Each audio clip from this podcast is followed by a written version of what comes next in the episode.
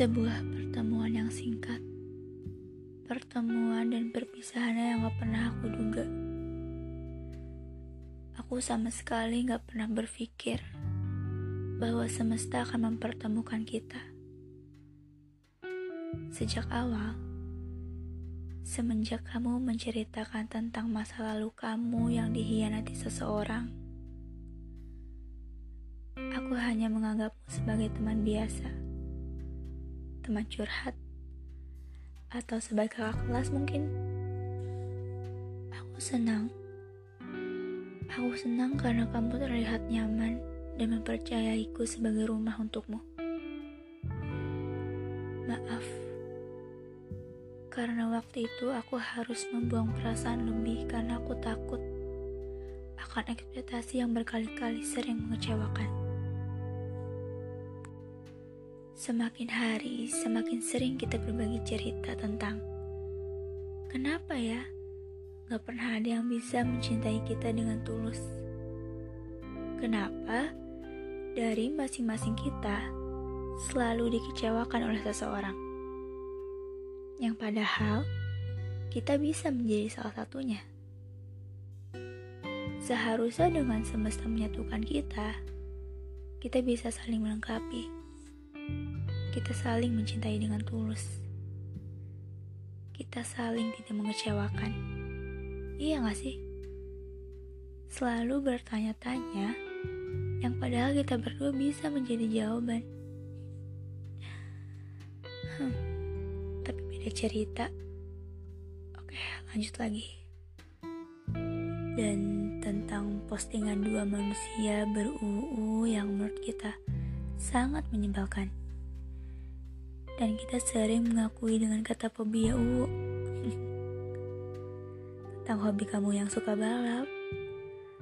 Lalu kamu menanyakan ke aku, boleh lanjut lagi atau tidak untuk menjalani hobi itu? Padahal aku udah pernah bilang kalau aku gak pernah ada hak buat larang kamu. Tapi kata kamu, aku udah dikasih hak buat ngelarang. Ada-ada aja kamu memang orangnya suka diatur-atur. Untuk hari itu, aku kayak gak nyangka kalau ada hari di mana kamu menyatakan perasaan. Jujur, saat itu aku bingung. Seketika rasa trauma itu muncul karena yang sudah aku bilang di awal bahwa aku takut. Itu semua di luar ekspektasiku dan lagi-lagi harus merasakan kecewa. Di saat itu kau minta maaf.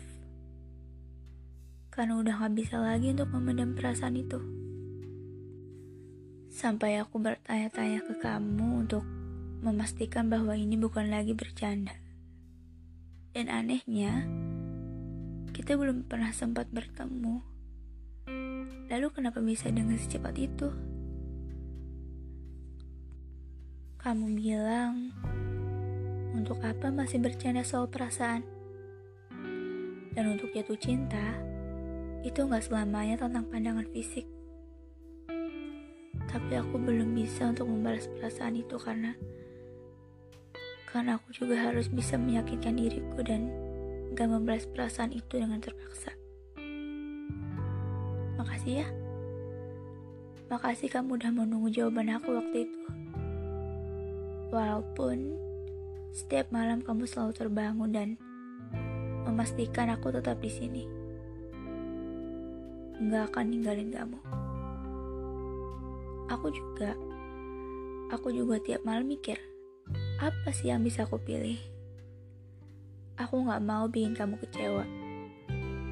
Namun aku juga belum bisa mendefinisikan diriku sendiri untuk jatuh cinta yang sebenarnya. Untuk malam minggu itu saat matahari mulai terbenam dan senja yang menjadi saksi pertemuan kita di mana first time kita bertemu dengan membawakan nasi goreng spesial buatan kamu. Lalu kamu langsung komen tote bag aku yang transparan. Padahal tote bag itu emang lagi tren tau. Kamu nyuruh aku jam 9 pulang, Tapi aku kasihkan ngobrol sama teman-teman dan akhirnya bablas. Terus, bisa-bisanya aku sampai lupa kalau HP aku ada di kantong celana kamu. Refleks langsung lari tanpa pakai sendal teriakin kamu untuk menjauh. Sampai kamar aku cuma bisa senyum terus kirim pesan makasih ke kamu. Oh iya, nasi goreng kamu enak banget pas banget di lidah aku. Sampai insecure karena enak parah masakannya. Ya, sangat singkat. Namun berkesan bagiku. Satu minggu kemudian kamu ke rumahku. Dan akhirnya kita menjalani hubungan. Aku berharap bahwa kamu memang orang yang tepat yang selama ini aku tunggu. Sebegitu yakinnya aku karena karena kamu yang telah membuatku selalu yakin. Aku nggak tahu, nggak tahu mulai dari mana jatuh cinta sama kamu. Mungkin setelah aku bertemu denganmu, atau pada saat menjadi teman curhatmu, aku nggak tahu. Yang terpenting aku mulai merasakannya. Berbulan-bulan kita jalani hubungan ini menceritakan betapa indahnya masa depan, tentang motor impian kamu, mobil dan rumah impian kamu, tentang gimana aku suatu saat nanti bisa menjadi perawat beneran. Oh iya, makasih ya. Mama kamu baik banget selalu ngirimin saat buah ke aku. Bilang ke mama kamu, sampai saat ini, saat buah bikinan mama kamu masih paling terenak yang nomor dua setelah tanteku. Tapi anehnya kamu gak suka. Padahal enak banget loh. Aku akan simpan semua cerita kita yang pernah dilalui dengan begitu singkat. Tidak pernah aku duga bahwa pertemuan kita yang kemarin adalah yang terakhir. Karena memang tidak ada sepatah kata ucapan selamat tinggal. Namun sebelum pergi, kamu memelukku dengan sangat erat. Mungkin itu merupakan tanda dari kamu bahwa setelah itu kamu ingin meninggalkanku. Bahkan aku sendiri tidak punya pikiran kalau kamu akan pergi. Di dalam ceritaku, gak ada kata tentang kamu akan pergi meninggalkan. Tidak pernah ada. Tapi sekarang, aku terpaksa harus menulis tentang kata pergi. Karena kamu yang sudah membuat ceritaku berakhir dengan begitu cepat. Untuk malam itu, waktu kamu milih untuk mengakhiri semuanya, aku tidak menahan kamu bukan karena aku gak sayang. Aku langsung melepas bukan karena aku gak cinta. Tapi aku gak mau kalau harus memaksakan seperti dulu kamu meminta kepadaku untuk membalas perasaan ini tanpa terpaksa. Karena sesuatu yang dipaksakan itu tidak baik. Dan karena aku juga yakin, seserius apa pun kamu, kalau kamu emang sayang, kamu gak akan semudah itu untuk pergi. Mungkin ini bisa dibilang ditinggal pas lagi sayang-sayang ya? Atau dipaksa untuk menyerah? Dan kebesokan harinya aku bangun di suatu pagi menjalani sebuah rutinitas dan harus terbiasa dalam kebiasaan bersamamu. Aku benar-benar gak nyangka bahwa apa harus secepat ini? Mengapa harus secepat ini? Aku pun gak, aku pun gak tahu jelas alasan kamu apa sampai memutuskan pilihan ini. Aku berpikir bahwa ini cuma sebentar kok. Pasti kamu akan balik lagi dan ternyata tidak. Kupikir kau akan kembali menemuiku. Soal aku sangat rindu. Aku rindu. Boleh aku rindu. Dulu kata rindu selalu kamu sebut sampai aku kenyang sekali mendengarnya. Padahal kita baru saja bertemu, tapi kamu sudah rindu lagi. Jadi aneh aja kalau kamu sudah tidak lagi menyebut kata rindu itu untukku.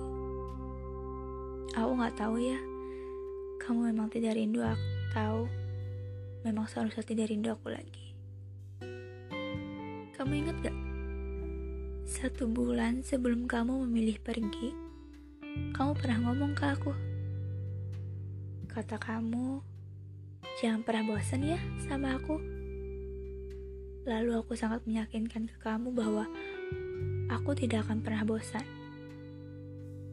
Tapi, tepat satu bulan kemudian, kamu meninggalkan aku dengan alasan bosan. gak ngerti maksud kamu gimana. Sudah lama aku menunggu kamu pulang kembali, tapi ternyata tidak ya. Aku selalu minta ke Tuhan untuk hapus rasa rindu ini jika memang aku dan kamu tidak akan pernah bisa bertemu lagi. Kamu pernah bilang bahwa ini adalah baru awal cerita kita.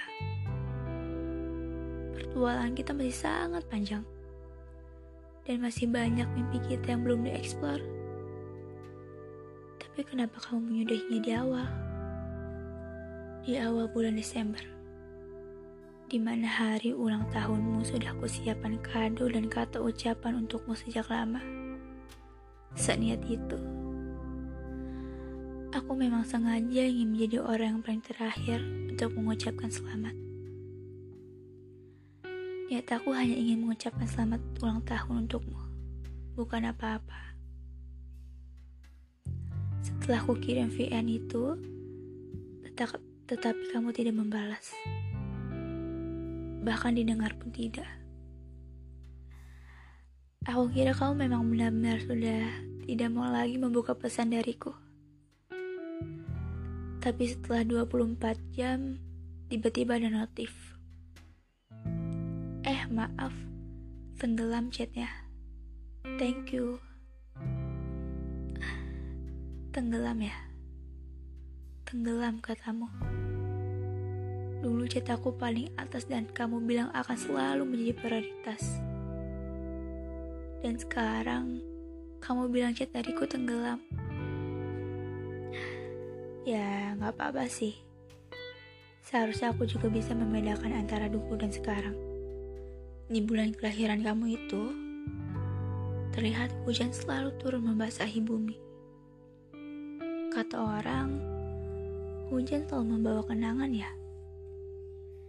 Dan memang benar sih, setiap hujan turun selalu memaksa pikiranku untuk mengingat memori saat aku sedang bersamamu. Ingat gak? Waktu itu hujan deras sekali. Katamu, hujan-hujan gini enak sambil makan indomie rebus. Tapi kamu maunya pakai telur setengah matang dan aku enggak. Aku enggak suka. Tapi kata kamu dicoba saja dulu pasti enak. Tetap saja aku tidak ingin. Dan kebesokannya, aku merebus telur tapi pas ku angkat dan ku buka kulitnya, ternyata masih setengah matang. Akhirnya aku coba ternyata enak ya. Benar katamu. Lalu aku langsung kirim pesan ke kamu bahwa telur setengah matang itu enak dan kamu menyuruhku untuk memakannya bersama Indomie rebus. Dan belum sempat kita makan Indomie rebus bareng lagi dengan telur setengah matang, tapi kamu sudah keburu pergi. Kamu mau tahu nggak? Sekarang aku malah suka banget sama telur setengah matang.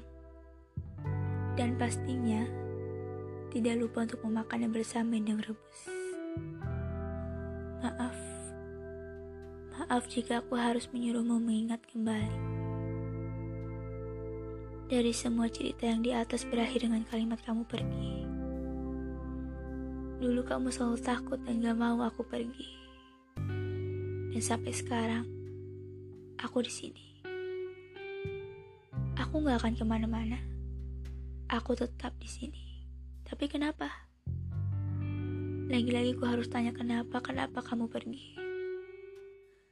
Ternyata yang kuanggap tepat yang kuanggap yakin sekali, yang kuanggap terbaik, tapi itu salah. Lagi-lagi pikiranku selalu salah. Ya, aku juga gak bisa sih seseorang yang memang maunya dilepas. Kebiasaan-kebiasaan bersamamu yang sudah menjadi rutinitas harus kujalani. Aku gak sedih, hanya kecewa. Kamu tahu kan, seperti apa rasanya kecewa? Seperti kamu cerita ke aku, betapa sakitnya dikecewakan oleh seseorang. Iya, itu yang aku rasakan. Kalau kamu tahu rasa kecewa, seharusnya jangan membuat orang lain ikut merasakannya juga. Setelah beberapa minggu, aku lihat kamu kembali dengan perempuan itu. Ya, perempuan yang dulu kamu ceritakan ke aku betapa kesalnya kamu. Tapi yang kulihat kamu sangat bahagia jadi aku gak perlu khawatir. Aku senang jika kamu telah pulang ke rumah sesungguhnya. Semoga kamu tidak kembali dikecewakan. Tapi pesan dariku, jika kamu belum benar-benar selesai dengan masa lalu, jangan pernah memulai dengan orang baru. Jangan jadi jahat hanya demi sembuhnya hati diri sendiri. Setelah tiga bulan di tahun 2021, kamu kembali menghubungiku. Menanyakan kabar dengan menceritakan tentang mimpimu semalam. Kamu tahu, aku malah berpikir bahwa itu hanya tur order. Kayak kamu memilih Der untuk menanyakan kabar ke aku. Serendam itu pikiranku ya karena aneh aja. Setelah itu kamu kembali menanyakan bagaimana sudah ada penggantimu. Sebenarnya itu cuma sekedar formalitas gak sih?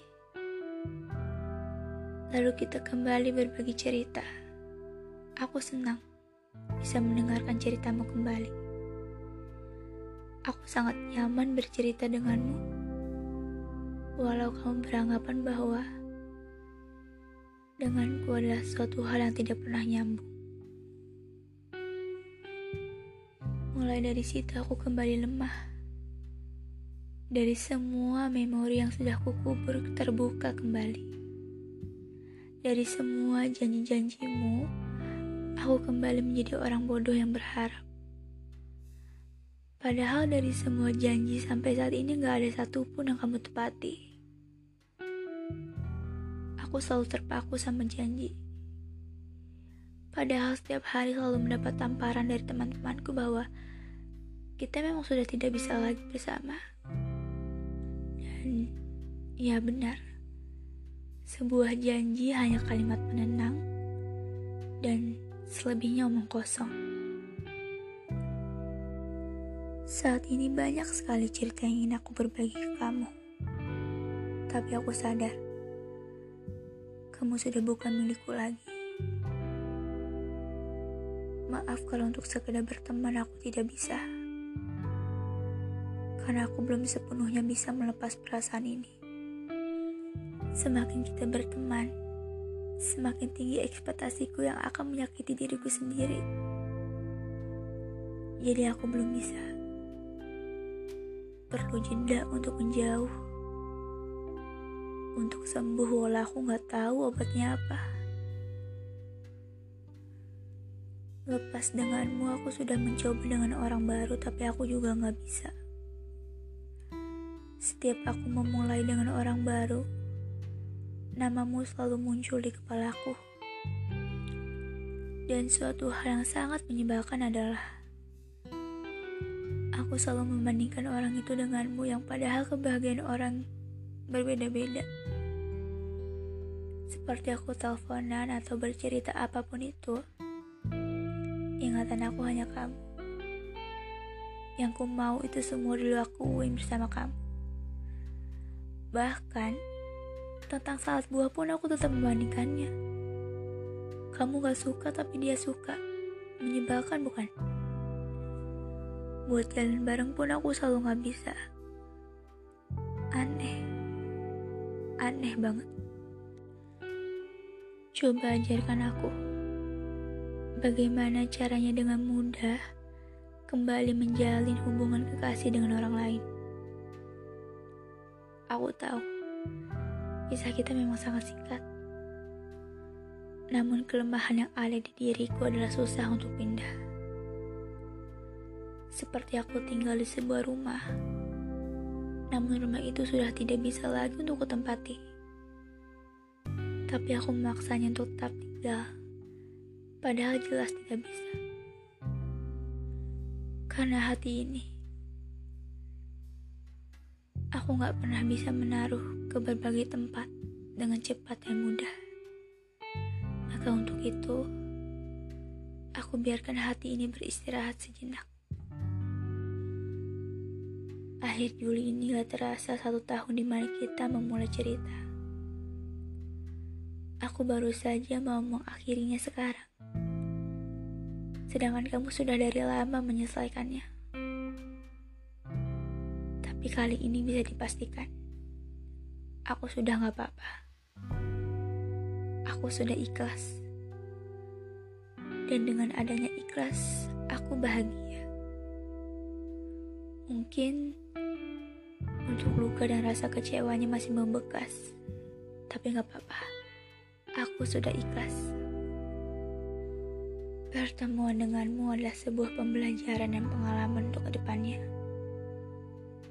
Aku senang bisa berkenalan denganmu. Tidak, tidak ada penyesalan apa-apa. Semesta mempertemukan kita dengan tujuan untuk saling berbagi cerita dan mungkin memang waktu yang dikasih sudah cukup. Cukup sampai di sini. Dan memang benar, people come and go itu hukum alam. Kalau suatu saat kita bertemu tanpa sengaja, aku harap kita bisa menyapa sebagai teman lama yang gak pernah ada perasaan apa-apa. Sudah ya, lupakan semua janjimu itu.